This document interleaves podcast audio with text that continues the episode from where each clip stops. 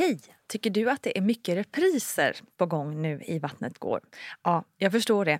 Det beror helt enkelt på att jag, Nina Campioni, just nu har en pop-up second hand i Modgallerian i Stockholm. Så min tid räcker helt enkelt inte tid att göra så många avsnitt som jag hade önskat. Men tills jag är tillbaka på full tid, kom gärna och hälsa på mig i Modgallerian. Vi ses! Sen så vet jag, så låg jag där och så började jag känna att jag skulle kunna krysta och då sa jag det till henne. Och då trodde jag att jag skulle gå upp ur badet. För jag hade inte koll på att man fick föda i vatten. Och då sa hon, nej men du kan göra det om du vill. Men säg till om du tar emot barnet eller om jag ska göra det. Hej, hej på er alla där ute och varmt välkomna ska ni vara till Vattnet går, podcasten om graviditet och förlossning. Som vanligt är det jag, Nina Campioni, som sitter här och babblar även det här nya året, 2016. Och har jag sagt gott nytt år egentligen? Om inte så önskar jag ju verkligen er ett fantastiskt gott nytt år. Jag tänker att det här året, det ska liksom bli året då vi tar hand om varandra och om våra inre. Alltså lyssna till våra hjärtan och gör bara sånt där som gör oss riktigt lyckliga. Bort med rädslor och fientlighet i alla former. Ska vi säga så? Okej, bra, då kör vi. För i det här avsnittet så möter vi journalisten Lisa Nylén. Lisa brinner för ett sätt att föda som jag tycker låter väldigt, ja, både spännande och lite läskigt faktiskt. Nämligen att föda i vatten. Gudrun Abascal, min ständiga följeslagare och grundare av BB Sofia är som vanligt med oss här i programmet. Men nu tycker jag vi tar och lyssnar på vad Lisa har att säga. Nu kör vi! Du har fött Nina, bra namn för övrigt på din dotter som är två år nu. Du har fött Nina i badet och Axel mer vanligt så att säga. Framförallt så var den stora förlossningen mellan barn ett och barn två att vid barn ett blev man väldigt guidad. Och när jag födde barn två så fick jag mycket mer frågor. Hur vill du göra? Eh, vad känner du? Vad tycker du nu? Eh, medan med Axel så var det liksom in, eh, lägga sig på den här britsen och sen vara kvar där. Jag flyttade mig inte från den från det att jag kom in till att han var ute. För det var två och en halv timme bara från det att vi kom in till att han kom ut.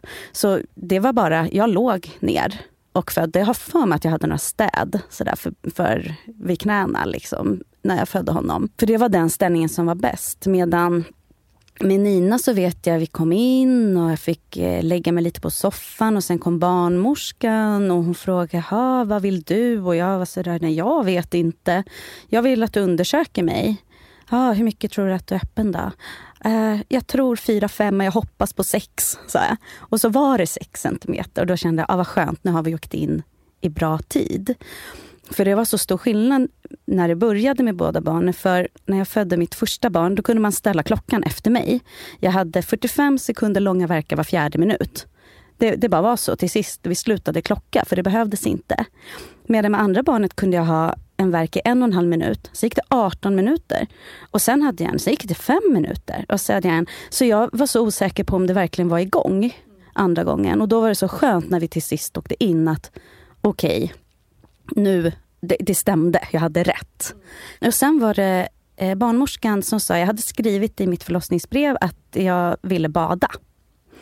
Eh, och då frågade hon det och då sa jag ja till det. Så hon gick iväg och tappade upp ett bad. Måste jag också bara fråga, du är ett fan av att bada i, sen innan? Ja, jag att älskar att bada badkar. Ja. Det, ja. det gör jag verkligen. Det var ett krav när jag eh, flyttade senast att vi ska ha ett badkar. Mm. och eh, då gick hon och tappade upp det där badet och sen när hon kom tillbaka då hade jag så ont så jag kände jag kan inte ta mig någonstans, jag orkar inte. Men då propsade hon på och sa, jo men för, vi, vi provar, vi går dit nu. Och så gjorde vi det och då satt man liksom som i två etapper. Så man satt i badet med benen dinglande. Och då hade man ju liksom det här jättevarma vattnet ända upp liksom till halsen. Mm. Och det var så skönt att vara totalt omsluten av det här jättevarma vattnet. Och eh, så var vi där inne i det här lilla mysiga rummet. Hade du fått några smärtstillande innan dess? Nej, ingenting. Och eh, jag, jag, tog inga smärtstillande alls. Det blev inte så. Jag vet att jag såg lustgasen på väggen i det här badrummet efteråt och tänkte, just det, den glömde jag bort. Mm. Så det var bara vattnet. Och kände du skillnad på, på verkarna? Eh, att vara i vattnet kontra att sitta, vara i sängen så att säga? Nej, jag tror nog att jag tyckte att de var ungefär lika intensiva. Men det var ändå skönt att röra sig i vattnet. Att man mm. kunde hänga då lite, liksom, eftersom det var så djupt på ett ställe. Så man kunde hänga ner där. Och, och sen när man var klar, man bara kunde luta sig bak i det här varma vattnet. Det var väldigt avkopplande. Um, så Sen så vet jag, så låg jag där och så började jag känna att jag att jag skulle kunna krysta och då sa jag det till henne. Och då trodde jag att jag skulle gå upp ur badet. Mm. För jag hade inte koll på att man fick eh, föda i vatten. Och då sa hon, nej men du kan göra det om du vill. Men säg till om du tar emot barnet eller om jag ska göra det. Mm. Och min första förlossning hade varit eh, väldigt lätt. Jag hade tyckt att det faktiskt inte gjorde så ont som jag, skulle, som jag trodde. Och då hade jag trott att den här skulle vara ännu lättare. Mm. Och därför blev jag ganska frustrerad över att man har hört liksom andra barn, här, då är det två kryssningar och sen är den ute. Mm. Och så var det inte. Sen om man tittar efteråt så kanske jag krystade i 20 minuter men det kändes som en evighet för att jag trodde att det skulle gå mycket fortare. Mm. Så eh, jag krystade där i vattnet och sen frågade hon igen om jag trodde att jag skulle ta emot det själv. Men då kände jag inte, jag tyckte det lät häftigt men jag kände inte riktigt att jag hade den närvaron. Så då sa hon, okej okay, men då kan du lägga dig bakåt nu. För jag hade hängt lite i liksom, och krystat neråt. Mm. Så då fick jag luta mig bakåt och, då, och krysta ut huvudet. Och sen så lirkade hon faktiskt fram mm. henne. Och då hade hon legat med sin ena hand liksom över bröstet på axeln. Så det gjorde lite extra ont för att hon låg lite mm. konstigt. Men så kom hon ut där, så hon var ju jätteren när hon ja, las hos mig. Och eh, så låg vi kvar där i vattnet en liten stund. Det här med att föda barn i vatten, hur vanligt är det och är det helt riskfritt? Om man tittar hur vanligt det är, jag skulle titta i vilka delar av världen så kan man säga att, att i England, Irland, Norge, Tyskland, Schweiz, i många av de här utvecklingsländerna så är det vanligt beroende på olika kliniker och så. Men att, att kvinnor i alla tider har mer eller mindre tyckt att, att det är skönt, att det är mer avslappnande och underlättar själva födandet att få föda i vatten. Att det används mycket som smärtlindring så att säga. Gillar man att bada så uppfattar jag att de allra flesta kvinnor har en fördel av att krypa ner i badkaret. Sen är det som så går i trender i allting som inom förlossningsvården. Att jag tycker att på, någon gång på 80-90-talet då var det mycket trender. Nu skulle man då föda i vatten och så var det stor. Och sen så försvann det och sen så är det på väg tillbaka lite grann. Och i Sverige så har det blivit en diskussion om där man, där man säger att det finns en potentiell risk för barnet. Men går man och tittar på alla studier som är gjorda, och det är gjort mycket studier, så, så finns det ingen evidens att det var är farligare för varken mamman eller barnet. Men däremot så finns det inte heller någonting som säger att det är bättre. Och varför man har tagit det här beslutet i Sverige, nu är det bara på BB Sofia, här får man föda med, i vatten. Och vi har haft flera hundra kvinnor som har fött i vatten och det har gått alldeles utmärkt. Och jag tycker själv som barnmorska att det är ett lugn inne på rummet när kvinnan befinner sig i badet. Hon själv nu förutsätter jag gillar det här bra. Att, att det är en lugn och trygg situation. Men allting ska ju vara normalt. Jag ska ju kunna övervaka barnet på samma sätt. Så det är inte så att man avstår den medicinska säkerheten för att hon föder i vatten. Jag kan inte riktigt svara på varför man har blivit så här att nej, det ska inte kvinnor göra. I Sverige när man gör det på så många andra ställen i världen och med jättebra resultat. Men har det funnits liksom en, en inte en lag, eller har det funnits något som sagt att man inte får göra? Det finns inga lagar på det viset. Om man tittar på både Svenska barnmorskeförbundet och eh, intresseorganisationerna då för SFO och så vidare, de säger att nej, men det, det är upp till varje verksamhetschef att bestämma om det här eller inte. Och sen finns det där ett berömt fall som alla hänvisar i där en kvinna födde hemma i badet. Och så har man sagt att det berodde på badet som barnet dog. Och så har man visat genom undersökningar efter att det inte var så. Men fortfarande går det här ryktet om och att det är därför som man avråder. Men det finns ingen sanning i det att, det, att det var det som gjorde att barnet dog. Och det är så tråkigt när man använder en sån situation för att göra någonting annat, tycker jag. Alltså jag tänker, för jag, jag är ju sån som inte riktigt gillar att bada. För jag tycker att det är så varmt och svettigt och liksom, oh, så ligga i sitt eget skit. Liksom. Men, och då tänker jag ännu mer så här när man ska krysta då, ta i med allt vad man har i det där varma vattnet. Det, alltså, ja, förstår du vad jag menar? Liksom att det måste bli så jäkla varmt. Ja, jo men det, fast man är å andra sidan lite viktlös. Och det är ganska skönt. Eh, däremot det som jag tycker som man kan liksom tipsa om och förvarna det är att man bör ju verkligen ha gått på toa innan. För det är annars inte så kul kanske i vattnet. Så att man har lyckats tömma tarmen. och det är inte alltid man kan det. Då kanske man inte tycker det är lika roligt. Eh, men, eh, men annars är det väldigt, alltså det jag tycker som smärtlindring är väldigt bra. Sen tycker jag personligen inte att någonting hjälper mot krystvärkar. Det är bara vidrigt. Men, eh, men jag tyckte att det var... Om jag skulle skaffa till barn skulle jag önska att föda i vatten. Men, och det är inte aldrig, alltså jag fattar när barnet väl har kommit ut att man skiter fullständigt i blod och allting sånt. Men man tänker ju så här, bara själv när man ser blod i vatten, det så sprids ut i hela och det blir, jag tänker att det blir en läskig scen. Liksom. Men var det något du... Jag minns du, inte att jag såg något blod faktiskt. Nej, okay. Jag minns inte det. Så det är ingenting som jag tänkte på. I alla fall inte som jag kommer ihåg. Um, det som var grejen var, vid båda mina förlossningar så har mitt vatten gått under kryssningarna. Så det har gått jättesent. Så vattnet gick i vattnet. Um, så det var väl en grej. Men annars så... Märkte du det, att vattnet gick? Där? Ja, det gjorde jag. För då var det som att det här det var som ett motstånd, liksom ett extra motstånd som plötsligt släppte. Och det vet jag att jag kände båda gångerna. Att det var, jag vet inte om det är så att man kanske faktiskt jobbar mot lite mer om vattnet inte har gått. Att det blir lite mer tryck. För jag tänker mig i alla fall att jag tyckte det blev lite lättare att eh, krysta sen. Mm.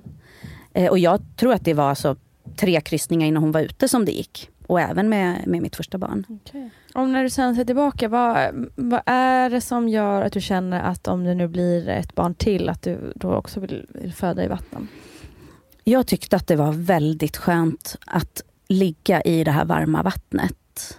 Och eh, att det var, det, var, det var häftigt liksom att barnet kommer ut från vatten till vatten. Det kändes väldigt naturligt att föda så. Och jag tänker tillbaka, liksom, jag tänker mig att man har hört mycket om det här med vattenförlossning förr. Alltså att det är någonting man, man har gjort liksom genom tiderna. Men att vi inte alls har gjort det särskilt mycket, åtminstone i Sverige, på senare år. Ja, jag tyckte att det var just den här totala avkopplingen i det varma vattnet, om man tycker om att bada, så var det eh, fantastiskt bra. Och jag vet att jag just tänkte liksom på den där lustgasen efteråt, att jag glömde ju uppenbarligen bort den. Så att någonting måste ju ha hjälpt ändå i det här varma. Så jag tycker att det, jag kan verkligen rekommendera. Och om du nu skulle bli gravid igen och, och så, skulle du förbereda dig på något annat sätt inför förlossningen nu när du då vet att du skulle vilja göra det i vatten kontra en vanlig inom, situations, inom situationstecken förlossning? Nej, men jag skulle väl se till att komma till en förlossning där man fick. Mm. Att verkligen satsa på det. Den här gången var det faktiskt en slump att det blev där. För jag hade valt Södra BB. Och sen var det eh, fullt både på Södra BB och på SÖS förlossning. Och då blev jag skickad till BB Stockholm.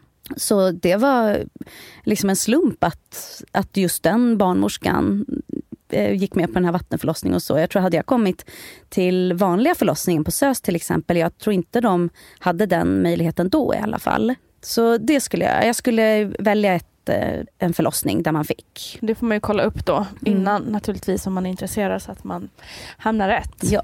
Det blev lite så omvänd ordning i det här programmet idag. Det är just för att det är så intressant med det här med vattenfödsel. Eh, vi har inte pratat om det innan i det här programmet.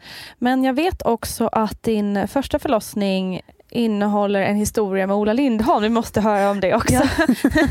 Berätta, hur, hur ja, var den förlossningen? Det här var väldigt sent i graviditeten. Jag var i vecka 37 någonting. Och eh, jobbade som eh, nöjesreporter och hade fått i uppdrag att ringa till eh, dåvarande barnprogramledaren Ola Lindholm angående att han hade åkt fast för eh, droginnehav. Och det här tyckte inte jag kändes så jätteroligt. Men det skulle göras och jag ringde och ringde och ringde. Tills han till sist svarade och såklart la på i örat på mig. Så jag hade inte behövt vara så orolig. Och samma eftermiddag hade jag tid hos eh, barnmorskan. Och då var bebisens hjärtljud extremt höga. De låg på 156 och de brukade vara på 128. Något sånt där. Och mitt blodtryck var skyhögt. Och hon undrade, hade det, har det hänt någonting? Eller, och jag kunde inte riktigt komma på. Men så kom jag på, jo, men jag har ju ringt ett samtal idag som jag inte tyckte var så kul. Ja, okej, ja, men Gå, några, gå, gå ut en stund, gå en promenad en kvart, kom tillbaka så kollar vi igen. Så du har liksom helt enkelt varit så stressad över det samtalet som gjorde att hela Ja, hela kroppen. kroppen ja, bebisen och mm. jag så mm. uppenbarligen ifrån över, eh, över den där stressen. Mm. Och eh, sen fick jag komma tillbaka två dagar senare för att kolla och då var allting bra. Och det var min sista jobbdag. Och eh, sen så nästa dag så kom bebisen. Mm. Så jag brukar säga att Ola Lindholm satte igång min förlossning. det, bebisen blev så stressad så den ville komma ut. bara veta. Ja, jag vet. Får meddela. Ja, men det är intressant det där vad som påverkar eh, ens välmående. Men som sagt, eh, omvänd ordning helt och hållet. Men hur, hur planerade var dina barn? De var jätteplanerade. Mm. Vi eh, eh hade bestämt att vi gifter oss först och sen skaffar vi barn. Och vårt första barn föddes ungefär nio månader efter vårt bröllop. Så det var väldigt planerat. Så bröllopsnatten var aktiv? Ja, nästan. Vi får, ja, det behöver vi inte gå in på. Eh, men, eh, och vårt andra barn var också väldigt planerat. För vi hade en tanke om att vi ville ha ungefär två och ett halvt år mellan våra barn. Och jag minns så väl, jag stod med en kompis på ett löpband. Och hennes dotter är som min son. Och stod vi och pratade om det här, när vill ni ha ert andra barn? Och då sa jag, ah, men oktober 2013 tycker jag skulle, det skulle vara ganska bra. Och ni då? Ja men maj 2015 tycker vi skulle vara bra, sa hon. Och vi fick barn i oktober 2013 och de fick barn i maj 2015. Beställning liksom. Ja, så det var, det var väldigt planerat och det lyckades ju också efter planeringen. Mm. Så vi, jag hade en ett önskemål. Jag ville absolut inte ha en dubbelvagn. Det var liksom min grej. Mm. Att det mm. måste vara så långt mellan barnen att vi inte måste ha en dubbelvagn. Okay. För jag orkar inte vara i vägen. Mm. Det räcker med en enkel vagn så är man i vägen. Men med dubbel, mm. det är så jobbigt. Så att jag, det var faktiskt det. Och då tänkte jag, ja, men vi är ungefär två och ett halvt, då kan han stå på en sån här ståbräda. Så det fick han göra. Är ni alltid så här planerade i era liv? det låter helt eh, Ja, men jag är ganska planerad. Eh, jag tycker nog det är ganska skönt att ha lite koll. men sen så är det inte alltid det går. Men nu, nu blev det ju så den här gången. Nej, för förlossningen nummer ett där var väl inte helt... Eh, den kom lite tidigare än vad du trodde? Ja, precis. Jag jobbade min sista dag, fredag den 6 maj. Och eh, så gick vi och handlade. Vi handlade jättegod mat som vi skulle äta. Och sen så, så skulle vi handla till den här BB-väskan. Och eh, vi tittade på utgångsdatum på allting. För nu var det ungefär två och en halv vecka innan han skulle komma. Och eh, vi tittade på allting okej okay, om jag går två veckor över tiden, håller den här nyponsoppan tills då? Och det här, och jag vet min man han plockade ihop någon så här perfekt nötmix med mörk choklad som skulle ge honom väldigt bra energi när han skulle vara med mig. Och vi handlade risifrutti och det var, det var allt möjligt som vi hade. Och så kommer vi hem och jag kände mig ganska liksom, sliten där på kvällen. Och sen så vaknar jag på lördag morgonen den 7 maj och känner hmm, det här är något jag inte riktigt känner igen. Det har jag inte varit med om. Och senare, ja, den kvällen så kom han. Så jag fick inte, jag fick inte ens en dag ledigt. Nej. Så andra gången tog jag lite extra. Hon kom en vecka för tidigt, men då hade jag faktiskt varit lite ledig. Ändå. Så ibland kan man inte planera allt Nej, och jag tyckte det, det var... Eh, att, att han kom så att jag inte fick en enda dag, det var ju lite tråkigt. Men man slösade ju å andra sidan inga föräldradagar på Nej, att inte ha barnet. Mm. Så på så sätt var det. Men jag lärde mig till andra gången att ta lite marginal. Och då tyckte jag det var jätteskönt att vara ledig. När man hade ett barn sedan innan. Ja, att bara vara hemma själv mm. några timmar per dag. Då var det, det var mer värdefullt den gången. Mm. Kanske man behöver vila upp sig på ett helt annat sätt. Också. Det tycker jag. Mm. Hur, eh, hur har du förberett dig för dina förlossningar? Den första så gick jag på lite föreläsningar på barnmorskemottagningen. Det var någon om amning, någon om smärta och en om efterförlossningen. Och då var det en barnmorska varje gång som höll, så satt man som i skolbänkar och så berättade hon i någon timme om de här ämnena. Det var jag på och sen så eh, var jag på en förlossningskurs på Södersjukhuset också mm. som hölls av några barnmorskor där. Mm. Och då var det väldigt nära förlossningen så då blev det lite mer konkret. Sådär. Det, var, det var nog så här med facit i hand bara en vecka innan eller något sånt där. Och sen så eh, eh, har jag, min mamma är barnmorska. Åh, oh, vilken lyx! Ja, det är det. Så vi hade bokat in en eh, liten profylaxkurs med henne, lite privat bara. Så vi skulle åka hem till henne och äta middag och faktiskt fira hennes födelsedag och eh, ha den här lilla profylaxkursen. Men min förlossning startade dagen innan detta skulle hända. Så jag ringde henne och sa det, jag tror faktiskt att det är på G. Och då sa hon, okej, okay, ja men om du vill kan jag ju komma nu. Så då kom hon hem till oss och vi körde Profylax in action. Så coolt. Ja, och det var ju sådär, så fort jag fick en verk, då reste jag mig och så gick jag några varv. Vi hade ett jättestort rum. Så att jag gick liksom runt det där rummet i de här exakt 45 sekunderna som var var fjärde minut. Och sen så satte jag mig och så satt vi och pratade och hon gjorde lite så här, man kan trycka på ett jätteskönt sätt på kroppen. Man börjar på huvudet och sen ner på axlarna och så längs med benen som är jätteskönt. Så visade hon min man så han kunde göra det på mig. Och, eh, så vi hade väldigt trevligt, så hon var där några timmar. Och sen så frågade jag lite sådär, men hur ska vi veta när vi ska åka in? Och då sa hon, gå inte efter hur långt det är mellan verkarna. Gå efter hur intensiva de är. Så eh, även om det var ganska tätt emellan så kände jag, nej men jag klarar det här ett tag till. Och sen, jag minns inte om det var någon timme efter att hon hade gått eller något, då började jag känna att oj, det här, nu börjar det bli jobbigt, riktigt jobbigt. Och då ringde vi in och välkomnades in.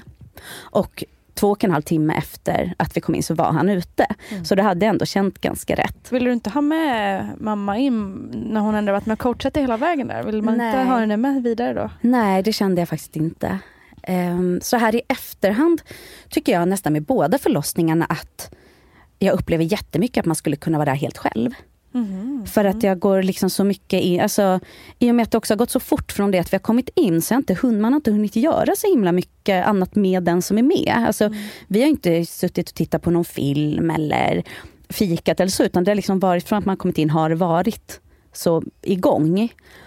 Så jag vet att jag tänkte på det efter första gången, gud det hade man ju kunnat göra själv. Liksom. Även om det såklart är roligt att även ens partner får uppleva hela grejen så mm. märkte jag det. Jag blev lite förvånad över att jag faktiskt tyckte det var så lugnt att bara vara jag. Mm. Liksom. Ja, men det är klart, man går ju in i det där så otroligt fokuserat. Mm. Ja, starkt. Ja, ja, men det var kul. Det var faktiskt roligt. Och då vet jag också andra gången då när mina verkar var så himla ojämna. När det kunde vara liksom en kvart emellan eller fem minuter. Då vet jag att eh, min man sa det, det här var sent, sent på kvällen, Nina föddes på natten. Så att vi satt, jag vet att jag satt och åt eh, GB sandwich, alltså en glassar, framför eh, gamla sitcom-repriser, för klockan var så halv tolv på kvällen, det var liksom ingenting bra på TV. Så jag satt bara och åt glass och liksom hade de här verkarna och ibland ja, var det ju jättelångt emellan och sådär. Och så sa han så här, men jag, jag vill nog ringa in nu. Och så här, nej men det här, det här är lugnt. Han bara, fast du har jätteont. Alltså, men det är så långt emellan. Han bara, nej, för din mamma sa faktiskt förra gången att vi skulle gå efter hur intensiva de var, inte hur långt det var emellan. Och nu märker jag att du har jätteont. Jag sa, ja men gör det då. Liksom. Så han ringde sina föräldrar som kom hem till oss. Så de kom hem till oss och hans mamma gick och la sig. Så att det fanns någon där om vår son skulle vakna. Och så skjutsade hans pappa oss. Och då fick vi då inte komma till SÖS som är närmst för oss. Så han körde oss till eh, BB Stockholm i Danderyd. Och eh, jag minns den där resan, det var så hemskt, det var så långt dit. Eh, den där, då var det ändå sent på natten, det var ingen trafik. Jag tyckte det var så långt, de här fruktansvärda verkarna där i baksätet. Så, och då är det kul också efterhand, för från det att vi kom in till att hon var ute var det två timmar. Så min man hade ju rätt. Liksom, ja. Nej, nu har du så inte så nu åker vi. Så det var bra att han bestämde. Det kan vara så annorlunda, just verkarna. Liksom, sådär. Hade du varit i kontakt med, innan där med, med BB och pratat just verkarna, just att du hade så oregelbundna? Ja, jag vet att jag hade ringt själv tidigare på kvällen till SÖS och eh, bara kollat läget lite, vad de tyckte eftersom det var mitt andra barn. Eftersom man har hört att det ibland kan gå så otroligt fort och att man ändå vill hinna in och så. Men eh, eh då sa de det bara, ring när det känns värre. Och då när vi gjorde det så fanns det inte plats. Kändes det jobbigt att du inte fick komma till det BB som du hade planerat? Inte alls. Det spelade mig verkligen ingen roll. Um, jag tror att det är lika bra överallt. Det var just kanske den där resan som faktiskt mm. var jobbig. Och framförallt, det som var jobbigt var att när vi åkte, vi skulle åka på efterkontroll på måndagen efter, det här var torsdag natt och vi åkte hem redan på fredag morgonen. Och då behöva åka till Danderyd i, liksom klockan åtta en måndag morgon. Det var väldigt mm. jobbigt. Så då vet du fick jag skjuts av mina svärföräldrar och min man var kvar med vår son. Och då vet jag, vi åkte sådär jätte, jättetidigt på morgonen för att slippa rusning. Så vi var ju framme säkert 40 minuter innan för att, ja, för att vi skulle slippa fastna. Mm. Och det var inte så kul, åka med en, en jätte, jätte, jätte ny bebis. Och nyförlöst. Ja, och nyförlöst. Nej, det var, det var jobbigt. Varför åkte ni hem innan så snabbt då? Det gjorde vi faktiskt båda gångerna. Första gången så vet jag, då kom vi upp i det här rummet på, där på natten någon gång och gick och la oss. Och nästa morgon så liksom frågade min man så här, hur, hur länge stannar man här? När får man åka hem? Mm. Och jag säger, ja, jag vet inte. Eh, jag tror man stannar i alla fall en natt till, det tror jag. Och sen kom eh, min mamma och pappa upp och hälsade på. Och då kände min mamma vår barnmorska där då. Och då tror jag att de kanske tyckte att därför att det också var lite lugnt att vi kunde åka hem i och med att vi hade en barnmorska så nära. Och sen tror jag att det var ett missförstånd faktiskt. För att på morgonen så kom det in en barnmorska och sa nattbarnmorskan sa att ni gärna vill åka hem så fort som möjligt. Och det hade vi inte sagt. Mm. Men i och med att vi redan då hade pratat om det, att vi tyckte att vi egentligen lika gärna kunde ligga hemma som där. Så sa vi, ja jo men visst. Mm. Så då åkte... Vad coola ni var. ja, jo men och så här i efterhand Ja, men jag tyckte att det gick bra att komma hem. Men så här i efterhand skulle jag väl kanske rekommendera att man ändå stannar ytterligare ett dygn bara för det här liksom lite med amningen och hitta en skön mm. amningsställning och så. Mm. För det har jag nog tyckt har varit svårt med båda mina barn. Jag har helammat båda men jag har liksom aldrig riktigt känt att jag suttit skönt. Alltså att man har inte haft den här, en riktigt bra plats med en bra ställning. Och, eh, så det är nog det jag skulle rekommendera att få, både såklart att få hjälp med att amningen funkar men också att faktiskt hitta en bra ställning så man inte påverkar kroppen så mycket. Mm.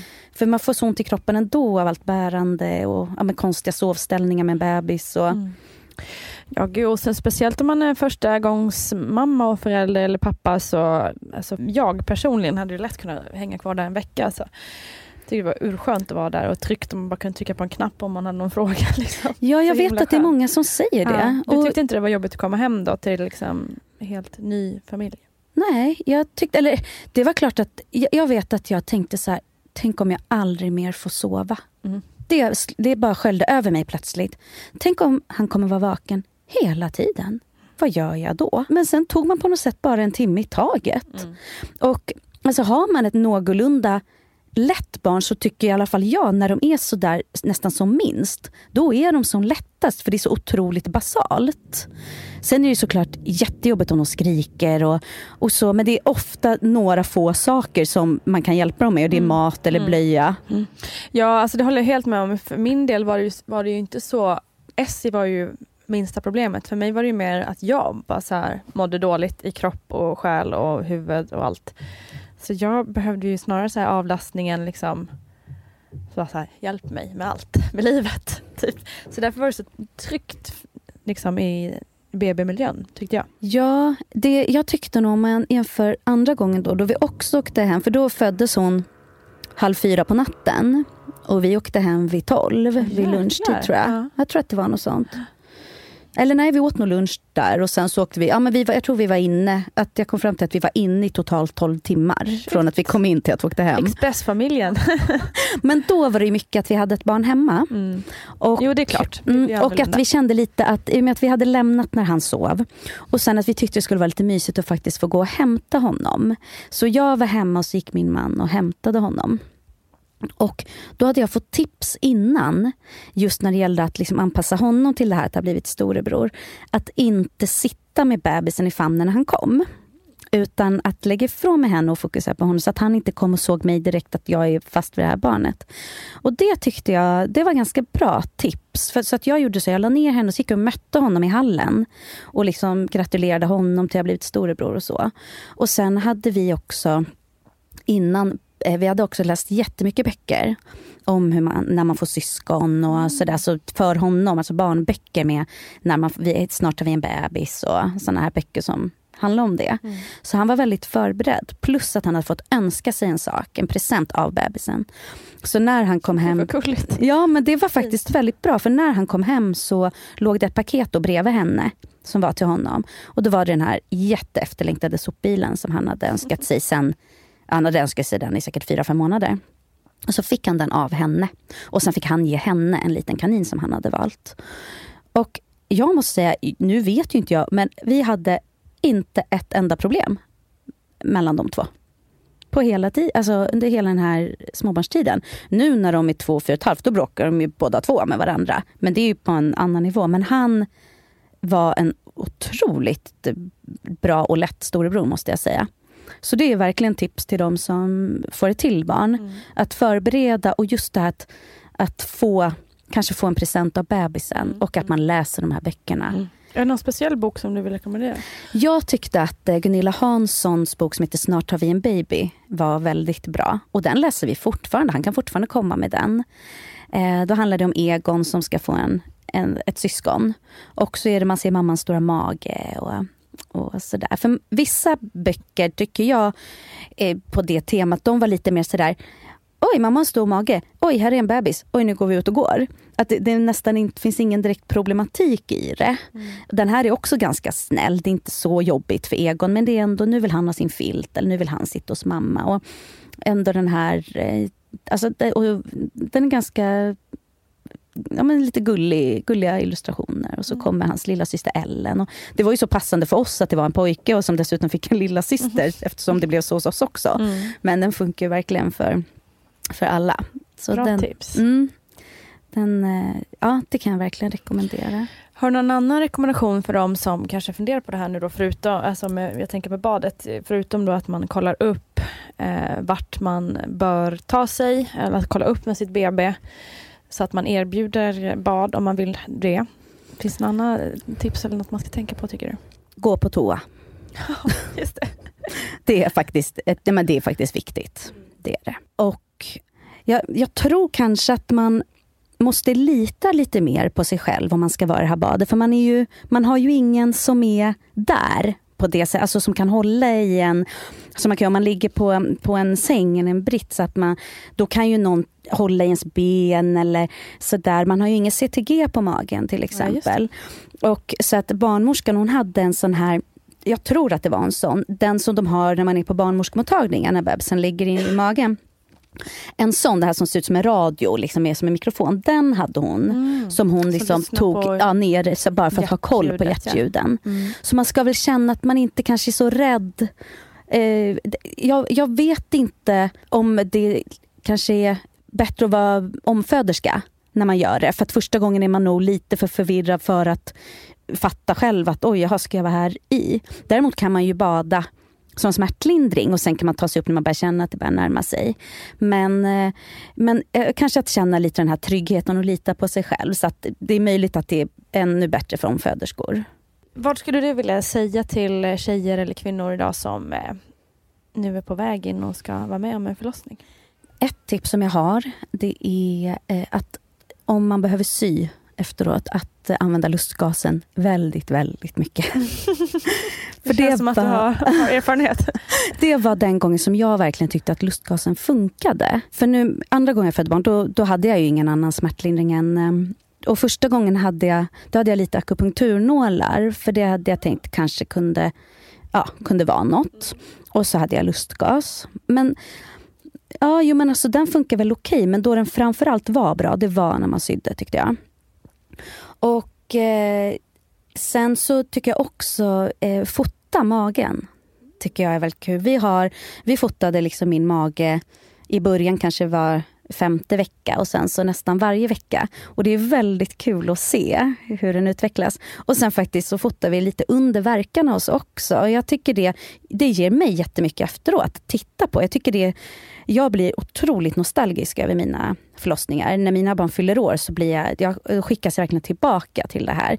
Att då titta i de här albumen och, och också att ha en bild när de precis har kommit ut. Har vi liksom lyckats att min man har fotat precis när den är ute. Och jag tycker det är så häftigt för det kommer man ju aldrig se annars igen. Det finns ju hur mycket bilder som helst från att de är hemma. Alltså då, det går ju inte ens att välja av alla bilder. Men, men just de här liksom innan förlossningen, så lite under verkan och precis när den är ute. Det tycker mm. jag är, det, jag tycker det är jättevärdefullt att ha. Får jag bara fråga där om akupunkturen, hur, hur var den för dig? I och med att jag har ingenting att jämföra med så jag vet inte om den hjälpte. Men det jag kan säga är att jag inte tyckte att det gjorde så ont att föda barn som jag trodde att det skulle göra första gången.